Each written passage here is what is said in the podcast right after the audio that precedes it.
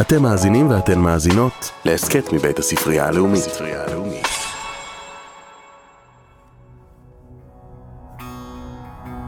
תהילים שירת יחיד, תפילת רבים. עורך ומגיש, יאיר הראל. שלום חברים, אנחנו כאן בספרייה הלאומית החדשה, בסדרה של מפגשים סביב ספר תהילים, ימים של מלחמה, ימים של משבר, ימים שיש בהם צורך בתפילה, במילים, במנגינות, בהקשבה. אז כינסנו כאן יחד לחברותה המיוחדת של חכמי לב, לנסות יחד לפתוח נתיבים לספר תהילים ולשפה של תפילה.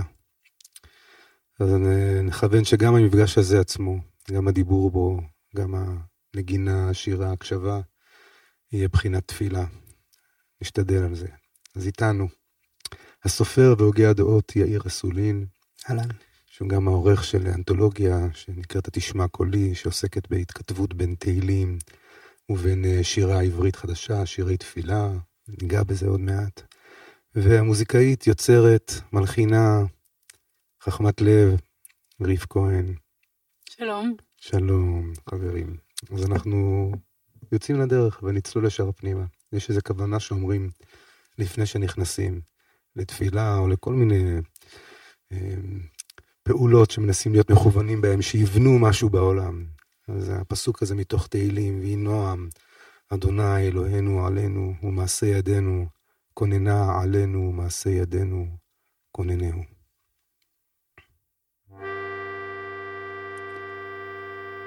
ויהי נועם אדוני אלוהינו עלינו ומעשה ידינו כונן עלינו ומעשה ידינו כוננו ויהי נועם אדוני אלוהינו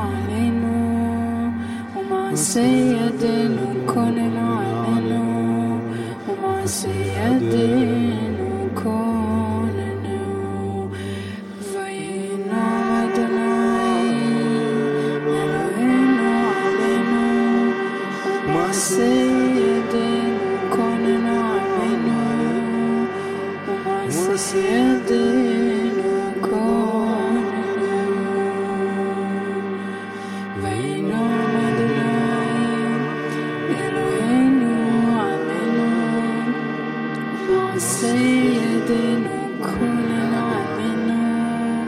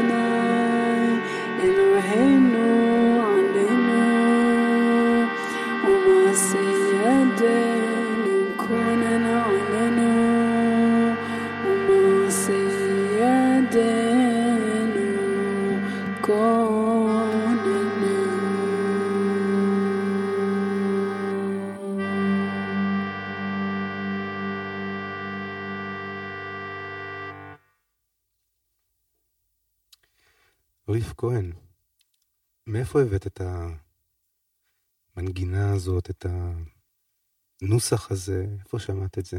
מאיפה הבאת את זה? טוב, האמת שזו מנגינה, כמו שהפסוק הזה זו פרזת מנטרה, אז זו מנגינת מנטרה שלי. יש לי כמה מנגינות אה, מנטרה. שהאמת שזה זה, זה ממקבץ אקורדים שכמעט כל פסנתר שאני רוצה לבדוק אותו ולהכיר אותו, אני פשוט אה, עושה את זה. וזה בעצם הבדיקה שלי, כי האקורדים האלה כבר יושבים לי כל כך חזק בסיסטם, כי עשיתי על זה המון מנטרות, אז לפי האקורדים האלה אני יכולה לדעת מה מצב הפסנתר בעצם. Mm. מכוון את הפסנתר למצב הנפשי שלך גם כן. מסתנכרנת איתו. כן. אמ, והפסוק הזה? אה, שמעתי על כל מיני דברים מאוד מעניינים במוזיקה, שבאמת יש סולמות, וכל סולם מתחבר לאיזה צ'קרה או לאיזה מקום רגשי, אז אה, איכשהו זה סולם אה, סול מינור, שתמיד פותח לי את הלב גם איפשהו, אז כל פעם שקורה לי משהו, אז אני חוזרת למנטרות האלה, בסול מינור. והפסוק הספציפי הזה של ויהי נועם, איך חיברת אותו למהלך הזה? אז גיליתי אותו קודם כל אה, דרך הרב אה, שלמה עופר, אה, שיש לו ישיבה בבני ברק, והוא עושה תיקוני חצות. אני לא יודעת אם עדיין הוא עושה את זה, אבל זה בראשון לציון כל ימי שני בערב. ואחד מה, מהמנטרות שהוא עושה ב, באותו ערב, יש שם איזה 300 איש בבית כנסת, זה את המנטרה של המשפט הזה, והוא גם אה, ציין שכדי אמ, להצליח במשהו, כשיש איזה קונפליקט או משהו שצריך ממש אה, לפרום אותו, שהוא מורכב, אז זה, הוא אמר 99 פעמים, אה, ממש כמו... 99 מנטרה. פעמים להגיד את הפסוק הזה. כן. מה אתה אומר, יאיר, מנטרה זה, אתה מתחבר להקשר הזה בתהילים? זה קודם כל, אני חושב שזו באמת מנטרה. Mm. זו מנטרה לא רק של תהילים, זו מנטרה של האדם היהודי, אני חושב, של האדם המאמין בכלל. כי תחשוב איזה משפט מטורף, המשפט הזה. בעצם אנחנו מתחילים ב"ויהי נועם, אדוני אלוהינו עלינו", הנועם של אלוהים יהיה עלינו, אבל הוא מסתיים בזה שמעשי ידינו כוננהו, אנחנו מכוננים אותו. את האלוהים עצמו. את האלוהים עצמו. יש פה מערכת יחסים שהיא בטח הקוד של כל תהילים, איזו שוויוניות מאוד מאוד עמוקה, אינטימיות מאוד מאוד עמוקה, מתחת לאור ומתחת ל... לכל מערכות ההגנה שיש לנו, אבל גם באמת רדיקליות של הכוח של האדם לכונן את אלוהים. אל תקרי בנייך אלא בונייך, כן? הדבר הזה של האדם כמישהו שבונה את העולם, הוא לא רק הבן של העולם, הוא הבונה mm. של העולם, והוא במובן מסוים הבונה של אלוהים, אין מלך ללא מאמינים וכולי. כלומר זה המון... משפט שמכונן את כל מערכת היחסים, באיזשהו אופן או את ה... את המערכת יחסים האינטימית הזאת, אגב, שאני אגיד בסוגריים, ואני חושב שהשיחה שלנו תלך גם למקומות האלה, זה מערכת יחסים שהשיח הדתי החיצוני קצת שכח אותה. האינטימיות הזאת היא שבה האדם ואלוהים מכוננים אחד את השני, והשותפות שלהם היא כל כך עמוקה, שבלעדיה הם לא קיימים. הם תלויים ממש אחד, אחד בשני כדי לא להיות אחד ליד השני, מה שנקרא. Mm. אז תכף נראה איך זה לוקח אותנו גם לתוך ממש המעשה של השירה, של התפילה, של מתוך תהילים. אבל לפני שנמשיך רגע, ל... בוא נלך רגע בכל זאת עם הפסוק הזה, יש בו בעצם שלוש תנועות. קח אותנו ממש תנועה אחרי תנועה. ויהי נועם, מעשה ידינו, מעשה ידינו. צעד אחר צעד.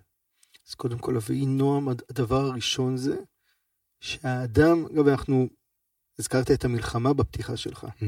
אנחנו נמצאים ברגע שהחברה הישראלית עדיין נמצאת במה שמוגדר במונחים יהודיים, בסוג של אנינות. המתים שלנו עדיין מוטלים לפנינו. וזה רגע שאנחנו, האדם על פי ההלכה היהודית פטור מכל מצוות תעשה. למה? כי הוא בעצם, אין לנו את היכולת הזאת לקרוא לאלוהים. זה הרגע הזה שבו אתה רואה את, הכי, את הכיעור הכי עמוק של הקיום האנושי ואתה מאבד את המילים מולו. מצד שני, דווקא האבל הוא זה שצריך אחר כך להגיד קדיש. בדיוק. ואז אנחנו עכשיו בדיוק ברגע הזה שהחברה קצת עוברת מהנינות לאבלות. אנחנו בתנועה הזאת, היא תנועה איטית מאוד מאוד מאוד, אבל היא קורית ומחלחלת. ואז באבלות, מה קורה? האדם נזכר מחדש ב"ויהי נועם" הזה. בנועם הזה של האלוהים שנמצא עליו, בתפקיד שלו בעולם, ביכולת לחשוב מעבר. תמיד אנחנו חושבים על ה... מה זה האנושי הזה, האנושיות הזאת שאנחנו מדברים עליה? אם נסתכל מבחינת הפעם הראשונה שמוזכרת אנושיות, זה מוזכר באנוש, בספר, בפרשת בראשית. וזה בפסוק כביכול זניח בתוך פרשת בראשית, שמספר לנו ש... אנוש מת, ואז אוכל לקרוא בשם האלוהים, כן? מה זה האנושיות? האנושיות זה היכולת הזאת לקרוא אל המעבר, לקרוא בשם האלוהים. זה הנועם הזה שאנחנו מבקשים עלינו, אנחנו כייצוג של איזה אינסוף יותר גדול, של קוסמוס יותר גדול, אה, שבתוכו אנחנו מתנהלים. אז זה הדבר הראשון, זו אולי התנועה הראשונה בתוך המשפט הזה. אנחנו הנציגים שלך בעולם.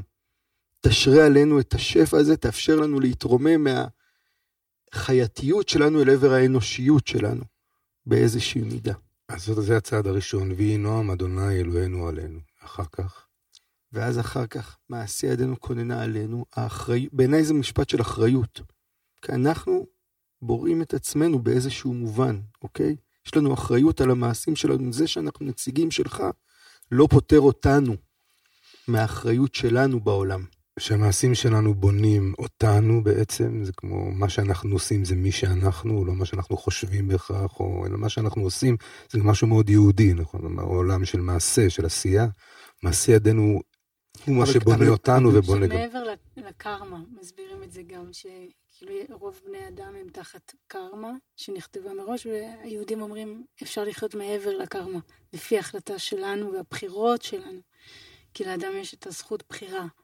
נכון, בגלל זה זה, זה, זה כאילו זה המהלך השני. קודם כל יש לנו את הנועם של אלוהים עלינו. אחר כך המעשים שלנו, שבוראים את עצמנו, או מכוננים את עצמנו, ואחר כך אנחנו כאלה שמכוננים אותו. כן. זה ממש התנועה הזאת שהיא תנועה מעגלית. אנחנו פה בספרייה הלאומית החדשה, mm. אחד הדברים הכי יפים בארכיטקטורה פה, הרי זה המעגלים, מעגל כן. של אולם הקריאה המרכזי. יש משהו במעגליות הזאתי, שמתחילה בנועם שאלוהים משרה עלינו, ומסתיימת בזה שאנחנו מכוננים אותו, ובדרך מכוננים גם את עצמנו. אז בעצם דיברנו על שלוש תנועות, אבל זו תנועה, הן אחת בתוך השנייה, הן קורות בו זמנית, אבל היא נועם מעשה ידינו שבונה אותנו, וגם בונה משהו בתוך האלוהות, כלומר, מחזיק איזה מין אחדות כזאת. Mm-hmm. אז עכשיו בואו נלך מכאן, מהפסוק הזה שהכניס אותנו באמת ככה כל כך אלא כבר לאיזה עולם של סוד, שאנחנו לא רק מדברים פה על שירים יפים, בשירה גבוהה, אלא משהו שהוא מנסה לכונן משהו, כמו גם התפילה, אולי מנסה לכונן משהו בתוך עצמנו, ואולי גם בתוך העולם, ואולי גם אפילו בתוך האלוהות, ואין בעצם את ההפרדה הזאת. ואולי ניקח אותנו רגע מהמקום של הסוד דווקא למקום של הקיום. כי אני חושב שהמנטרה הזו היא גם קוד מאוד מאוד עמוק לזוגיות בכלל, לזוגיות בעולם. אנחנו מקבלים עלינו את, ה, את הבן זוג או את הבת זוג שלנו, אנחנו מכוננים יחד איתם את העולמות שלנו, התנועה המעגלית הזו, שבה אין היררכיה, אלא יש כל הזמן היזון חוזר של כוחות שביחד מייצרים את הדבר. Mm. אז הסוד, רק אני אומר, הסוד הוא לא רק שם למעלה, הוא גם פה למטה ב, בכל דבר אני חושב שאנחנו עושים. ותמיד מדהים לראות את ספר תהילים, שעכשיו אנחנו מתכנסים סביבו, וכתבת גם בהקדמה לאנתולוגיה שלך, שזה ספר שירת האדם. כלומר, מצד אחד, אנחנו יודעים שזה המזמורים שהם כבר 2,500 שנה, הם בלב עולם הפולחן, עוד במקדש, mm-hmm. ובתפילה, וממשיך להתגלגל מדור לדור, אבל כשהם מסתכלים פתאום חושפים את זה, פותחים את זה, פותחים פה את הספר, תכף נפתח אותו וגם נראה מה יצא לנו. אבל uh, מגלים שירים מאוד חשופים, מאוד מאוד אישיים, של מצבי נפש, של משברים מאוד אישיים, ואיך פתאום זה הופך להיות um, טקסט כזה קולקטיבי שמשמש לפולחן של עם. בעיניי, מה שתיארת, זה בדיוק הסיבה שהוא הפך להיות טקסט קולקטיבי. דווקא בגלל שהוא נוגע בעומק הרגשות הכי אינטימיים של כל אדם. אני חושב שאין אדם שיקרא את הטקסט הזה, ואולי היום זה כבר קשה, כי קשה לנקות את כל רעשי הרקע מסביבו, לקרוא אותו כפי שהוא, ולא ירגיש שהוא נמצא שם. בין אם זה בזקנה, בין אם זה בפחד ממלחמות, בין אם זה כמיהה לאהבה, בין אם זה כעס על היעדר אה, מענה, בין אם זה אמון. כלומר, הרגשות האנושיים הכי בסיסיים והכי עמוקים נמצאים בתוך הטקסט הזה, ולכן הוא הפך להיות כזה טקסט מכונן וכזה טקסט שהוא טקסט פולחני, כמו שהגדרת אותו. כלומר, הרבה פעמים אנחנו, אם אתה רוצה להנדס טקסט פולחני, כנראה שזה לא יצליח לך. אבל אם באמת תשקע פנימה אל תוך העצמי, אל תוך הפרטיקולרי, סיכויים מאוד מאוד גדולים שתגיע לאוניברסלי. שוב, אגב, זה מחזיר אותנו למעגליות הזאת. תחפור, ככל שתחפור יותר פנימה, תגיע יותר החוצה באיזשהו מובן. זה נראה שהתנאי הבסיסי, ותכף אולי נשמע עכשיו דוגמה, מין, יש פה כל מיני הכנות וכוונות שאנחנו גם עוסקים בהן, איך בכלל מייצרים את המגע הזה החשוף עם משהו שקורה באמת. הוא לא, אני לא מסתכל עליו מבחוץ עכשיו, על האסתטיקה שלו רק וזה, אלא הוא מכניס אותי לאיזושהי חוויה חשופה, שמעל הזמן מישהו, טקסט שמתגלגל 2500 שנה והוא קורא עכשיו, והוא דורש איזה, באמת להיות במקום הכנה הזה. אז בוא נראה דוגמה, אולי, למזמור כזה. אחד מהמזמורים שנעסוק בהם היום, מזמור מ"ב. צמאה? נפשי. אני ממש, אנחנו נשמח לשמוע אותו בקול שלך, ריף, אני יודע שזה מזמור שהלחנת, ותכף נשמע את זה גם כן. אבל לפני שנשמע את הלחן, אולי יש משהו בלשמוע את המילים, לא רק את המשמעות שלהם, אלא את המקצב שלהם, את המצלול שלהם. יש פה מכלול שלם שהוא מעבר, הוא בתוך המשמעות והוא מעבר למשמעות. וכל פעם ובקול אחר, ואצל אותו בן אדם אפילו גם, לפי המצב רוח שלו, זה נשמע אחרת. אז uh, קחי אותנו, ריף, למזמור מ"ב, uh, עד איזשהו פסוק כן, אני אספר מסוים, אה, גם קצת הקדמה איך. נתקלתי. בו. הייתי אצל סבתא שלי, סבתא פורטונה עוד ביפו. נדבר על סבתא פורטונה. כן, ויש לה ספר עם אותיות גדולות, כי היא הייתה אנאלפביתית והיא גם סרקה את האותיות, אז היא, היא הייתה עוברת עם האצבע על האותיות, ומבחינתה היא עשתה את שלה, כאילו Mhm. את המצוות קריאת תהילים שלה, שאחר כך אה, שמעתי ב... בקבלה גם אומרים שאפשר לסרוק אותיות אם לא מספיקים, בתפילה יש גם כוח בלראות את האותיות בעיניים. זה גיליתי אחר כך, כי בהתחלה זה היה נראה, לי מוזר שהיא עם האצבע עוברת על האותיות. מעניין מה עובר לה בראש בזמן שהיא עושה את זה. אה, אני חושבת שתפילה חופשית. Mm. ואז גם סיפרתי לך שפעם אחת איזה ברסלבית אמרה לי, זה היה ממש מצחיק, היא אמרה לי, את יודעת מה את עושה? איך את מתפללת?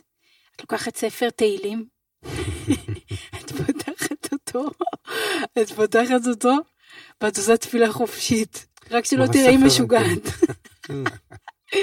לא, זה גם, זאת אומרת, זה כאילו בחינה אחרת של הסבתא. הספר נמצא, האותיות נמצאות, הספר מחזיק איזה משהו, ועכשיו את יכולה להרגיש חופשית, אבל, אבל בתוך איזה בית, איזה תיבת תהודה כזאת שמחזיקה אותך. אז, אז מזמור מ"ב, צמאה נפשי. ספרי לנו. אה, אז אה, נתקלתי בו אצל סבתא שלי, וכשקראתי אותו פעם ראשונה, נדהמתי אה, מפסוק ספציפי שאותו הלחנתי, פסוק ח', תהום אל תהום, קורא לכל צינוריך, כל משבריך, וגליך עליי עברו. בעצם חילקתי אותו לשלושה חלקים, תהום אל תהום, ואז לכל צינוריך כל משבריך, וגליך עליי עברו. אמ, אני לא יודעת מה זה אומר לכם, אבל לי זה לקח אותי פשוט לגיל 12, שאחת התפילות אה, שהיו לי, בתור ילדה בת 12, נספר את זה? לא יודע, אה, אני אגיד לך אחר כך. זה מצחיק, כי בתור ילדה אני שומעת פשוט המון אה, שמועות. אז אה, כמובן, אה, אני קוראת לזה נתנו לי אלוהים, כי ההורים שלי ממש נתנו לי אותו. הם אמרו לי, יש אלוהים ואת יכולה להתפלל אליו, שזה דבר ענק וגדול בעיניי, כן? אז אה, עשיתי את זה, ושמעתי שהוא כמה רקיעים אה, בשמיים, ואז אני זוכרת שעליתי תהום, תהום. רקיע רקיע, לא למטה, אבל זה היה למעלה. אבל מבחינתי זה כבר לא משנה אם זה למעלה או למטה. אבל אני זוכרת את התחושה של לעלות רקיע. זה היה כמו לעלות תהום ועוד תהום. תהום אל תהום. קורא לכל צינוריך, כל משבריך, כמו גלים, כמו תדרים.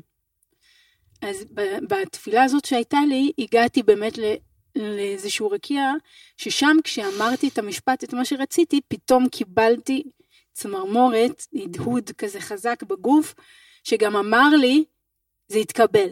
יתקבל ומטופל. וואו. אבל את יודע, יודעת, זה מעניין, כי המזמור הזה, המזמור הוא על אותו בן אדם שאף פעם לא קיבל שום הדהוד שהתקבל וזה מקובל. כלומר, זה, זה טקסט הרי קורע לב. נכון. זה טקסט ממש, אה, זה, זה מסוג השירים כמו לאה גולדברג כזה, כן? של האהבה הנכזבת הכי עמוקה שיש. אבל הוא אומר, עבר הוא. זאת אומרת, זה לא בכל... ש... קורא לכל צינוריך, כל משבריך וגליך עליי עברו. שזה הוא רוצה שזה יקרה או שזה קרה? כל הצרות נפנו על הבן אדם הזה. כן, בדיוק. אבל אני, אני רוצה שנעבור לשמוע כבר, אני עשית לנו חשק לשמוע את הלחן שלך לזה. אז מה. דעתך? אני, אנחנו, הכל פה אמרנו, זה סשן שאנחנו גם התכוננו לה וגם אנחנו הולכים ממה שקורה. כן. אז אני רוצה לבקש מיאיר לקרוא את, המז... את, את. המזמור. ושתגיע למילים תהום אל תהום, אז ריף תקחי אותנו משם, לתוך הלחן. למנצח משכיל לבני קורח. כאייל תהרוג על אפיקי מים, כן נפשי תהרוג אליך אלוהים. צמאה נפשי לאלוהים, לאל חי, מתי יבואו ואראה פני אלוהים. הייתה לי דמעתי לחם יומם ולילה, באמור אלי כל היום איה אלוהיך. אלה אזכרה ואשפכה עלי נפשי, כי אעבור בסח אדדם. עד בית אלוהים בקול רינה ותודה, המון חוגג. מה תשתוכחי נפשי? ותהמי עלי, אוכילי לאלוהים כי עוד עודנו ישועות פניו. אלוהי עלי נפשי תשתוכח. על כן אזכרך מארץ ירדן, וחרמוני מהר מצער. תהום אל תהום, קורא לכל צינוריך, כל משבריך, וגליך עלי עברו. יומם יצווה אדוני חסדו, ובלילה שירו עמי. תפילה לאל חי. תפילה לאל, חי, חיי. דמעתי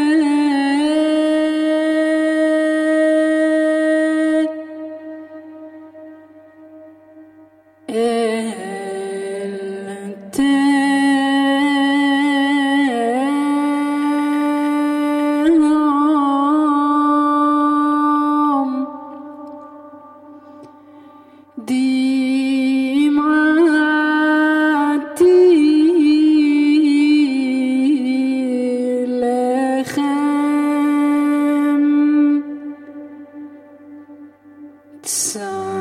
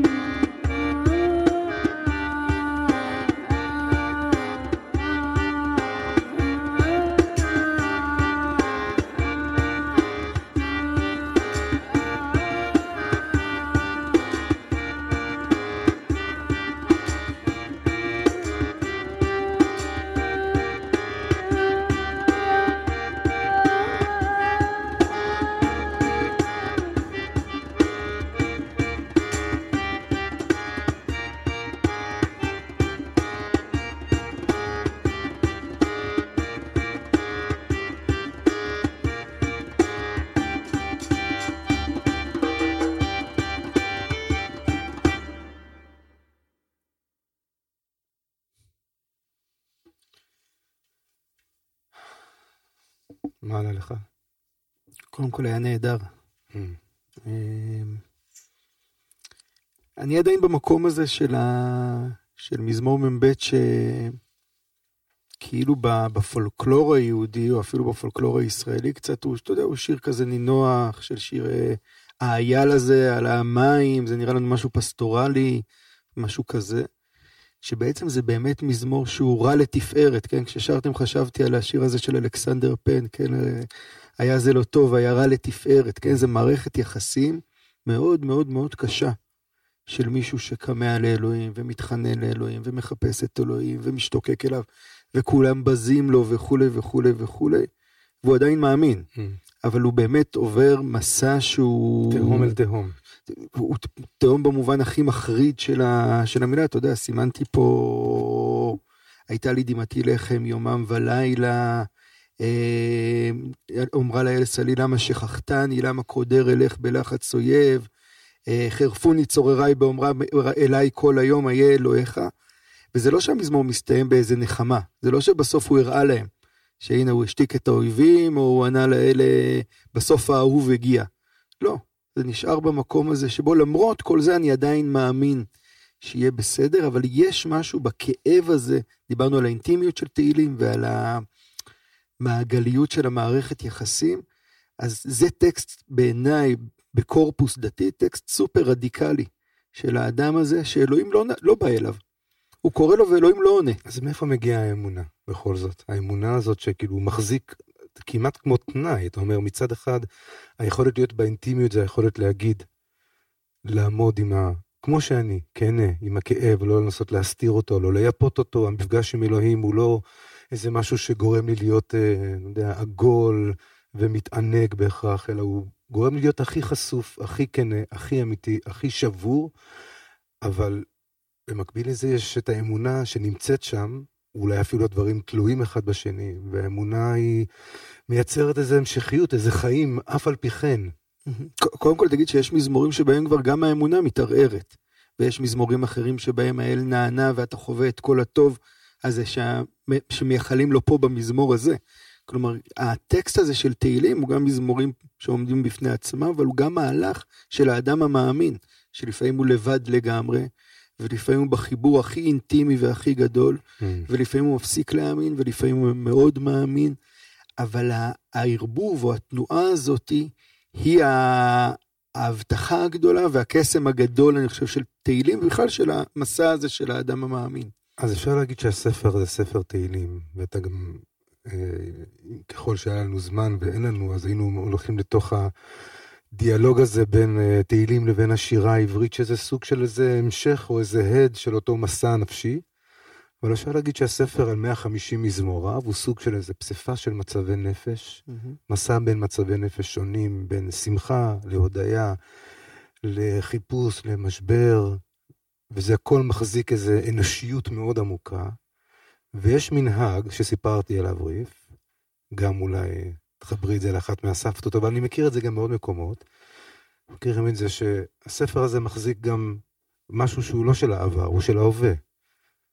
ושל העתיד גם אולי. וכשיש לי שאלה, אני פותח את הספר, נכון? איפה שיוצא, והפסוק שיוצא אומר לי משהו. לפעמים אני מבין את זה, לפעמים לא. ספרי על המנהג הזה, נכון? שמעתי, שמעתי על זה, סיפרת לי שזה משהו שאתם, אה, מה, עושים מדי פעם במשפחה? היית עושה? סבתא שלך הייתה עושה? את עושה?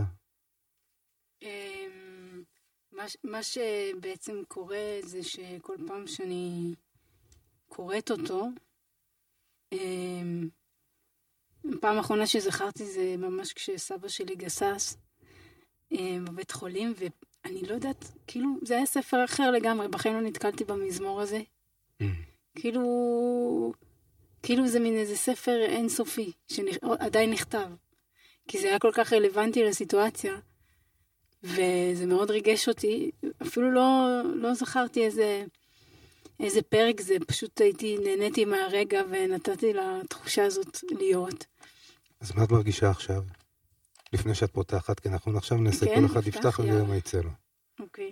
אז רגע, לפני שאת פותחת, את רוצה להגיד משהו על כאילו, על... אה, קודם כל, בקשה? אז איזה אה, שאלה? בקשה, יש לי המון בקשות, אה, אבל התחושה שלי כרגע היא כזאת, זה שאני מוצא, קודם כל מאוד שמחה להיות כאן, וגם בקונסטלציה הזו, כי אני כבר כמה שנים רגילה להופיע עם רפרטואר מסוים מול קהל, ודווקא השיח הזה שאנחנו עושים כאן היום, זה שיח שאני עושה ביני לבין עצמי בבית, אבל הוא לא בהכרח הרפרטואר שאני שר אותו בחוץ.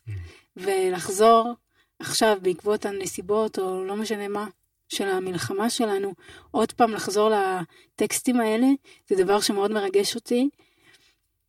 אמ, או- לא תמיד זה היה לך, אה, הקשר עם תהילים לא תמיד היה לך אה, טבעי או קרוב. סיפרת לי שזה, זה, יש משהו שבא מהבית ויש משהו שהתרחק ויש משהו שמתקרב. כן, כן, עברתי הרבה תקופות. הייתי גם דתייה מאוד תקופה, למרות שזה דווקא לא בתקופה שהייתי דתייה, ואני כל הזמן אה, מסביב לעניין הזה.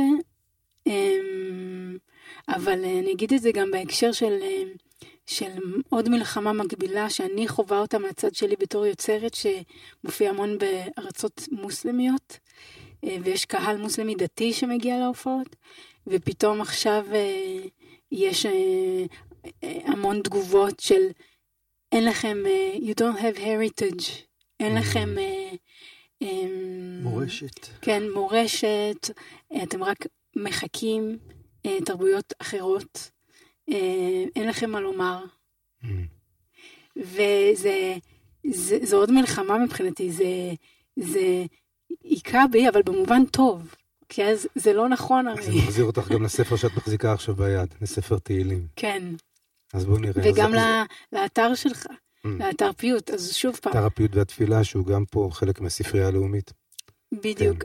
אה, אבל גם חשוב לציין שזה נכון שאנחנו שומעים לחנים, אז זה מאיטליה, מאלג'יריה, מצרפת, מגרמניה, אה, וזה באמת תרבויות שונות, ומבחינה מוזיקלית אנחנו באיזשהו חיפוש, שהרבה פעמים העולם של הלחן אצלנו אין לו עדות מ- מוגדרת של מה זה יהודי. יש לנו את הטקסטים, אבל אין לנו את הלחנים. אז לפני שאת פותחת עכשיו בספר, יש לך בקשה ספציפית? או, ש... אה, או שהמילים ייקחו אה, אותך? את בבקשה. מבקשת על, ה... על החיבור הזה, אולי דיברת על, ה... על לחזור לאיזה מקום של... שאפשר להישען עליו, גם פנימה וגם החוצה.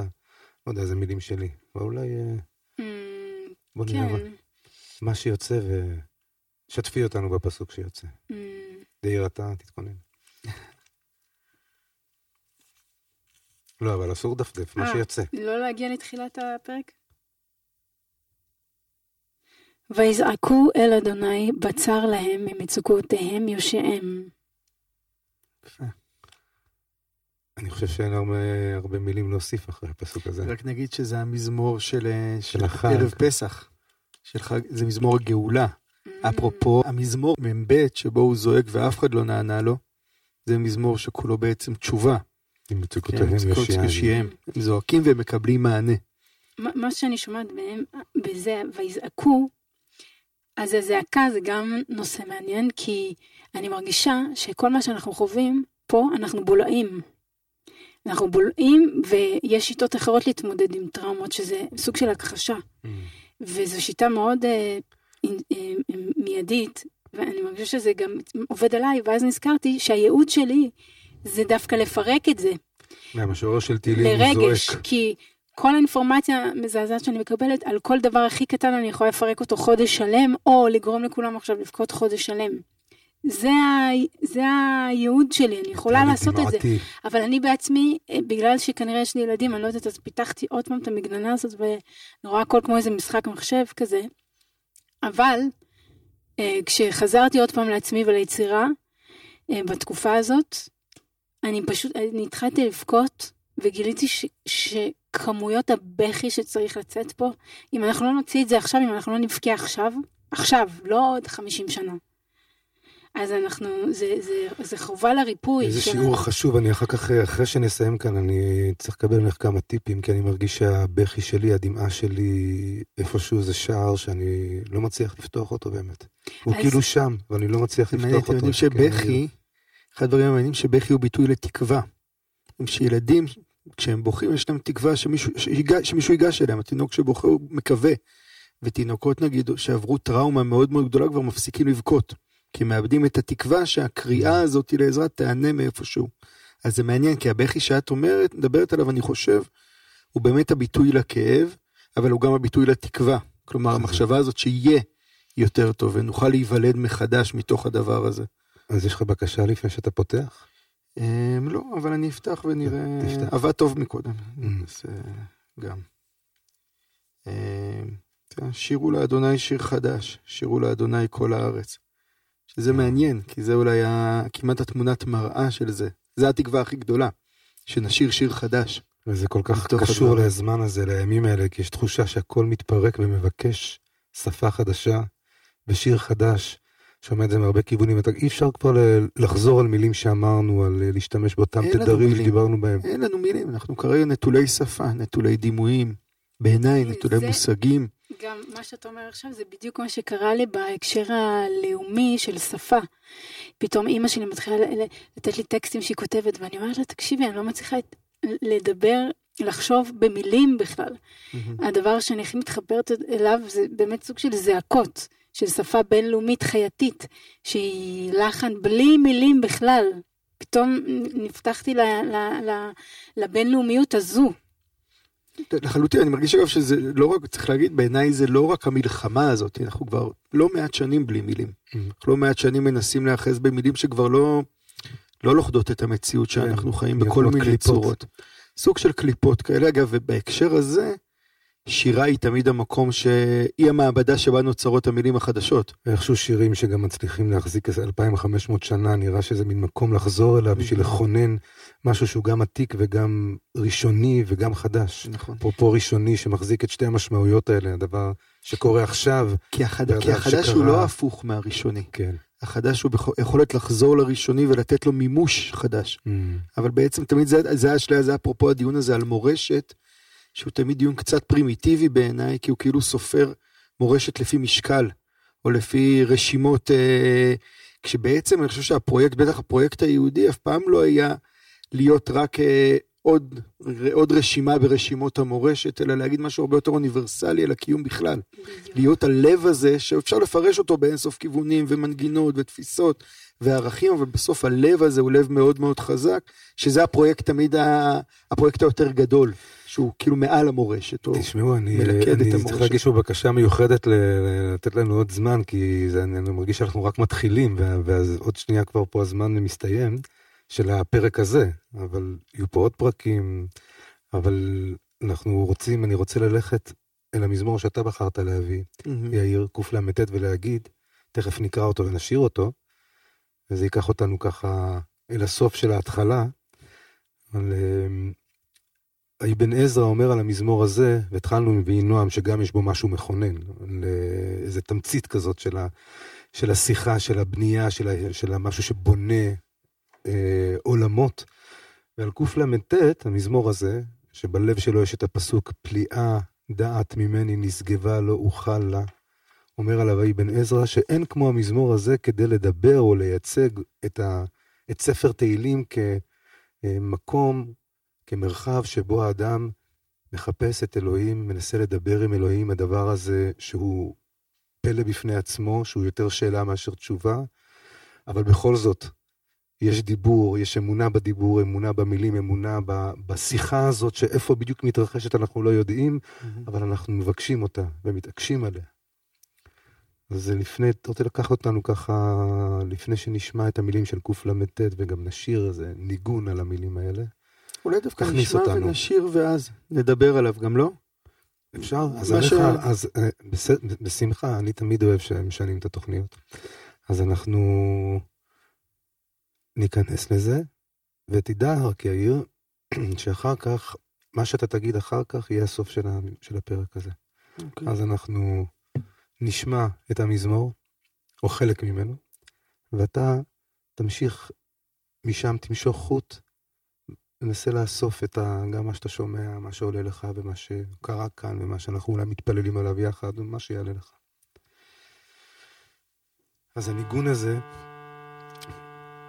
אני שמעתי אותו, הוא ניגון חסידי על חלק מהמילים של המזמור, אני אכנס אליו מההתחלה, מתחילתו. ניגון חסידי ממקור לא ידוע, אני למדתי אותו משרה פרידלנד בנרזה, וניגון שהולך איתי הרבה שנים.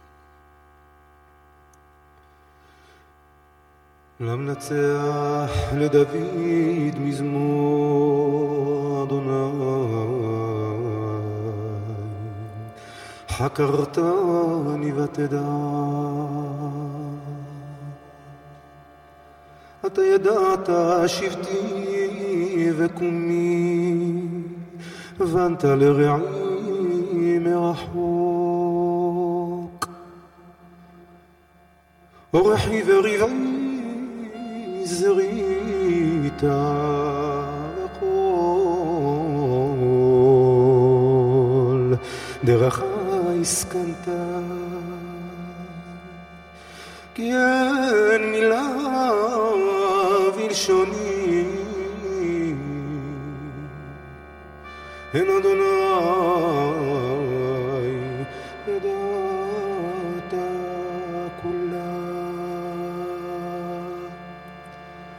אחור וקדם צרתני ותשת עלי כפיך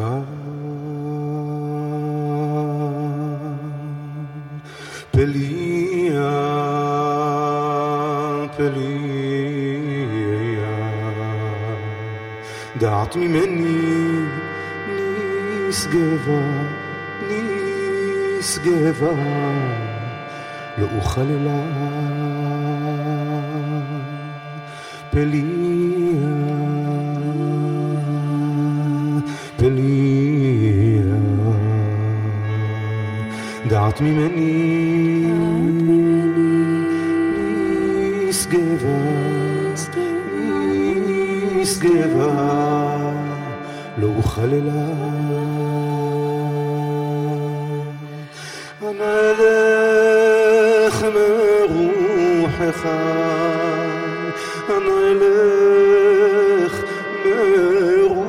מרוחך ואנא ואנא מפניך אברח אנא אנא מפניך אברח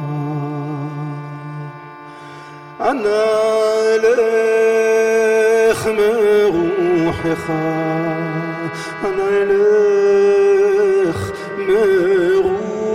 מרוחך ואנא ואנא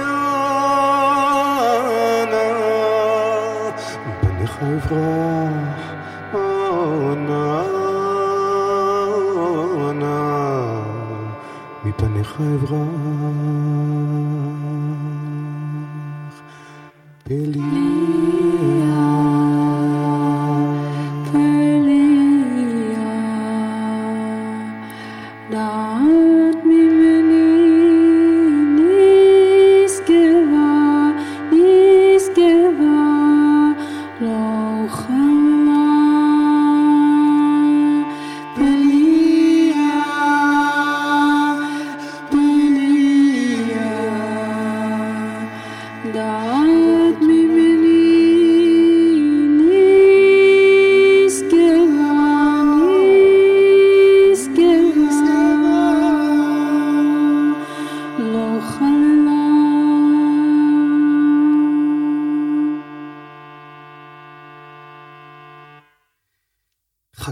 ותדע.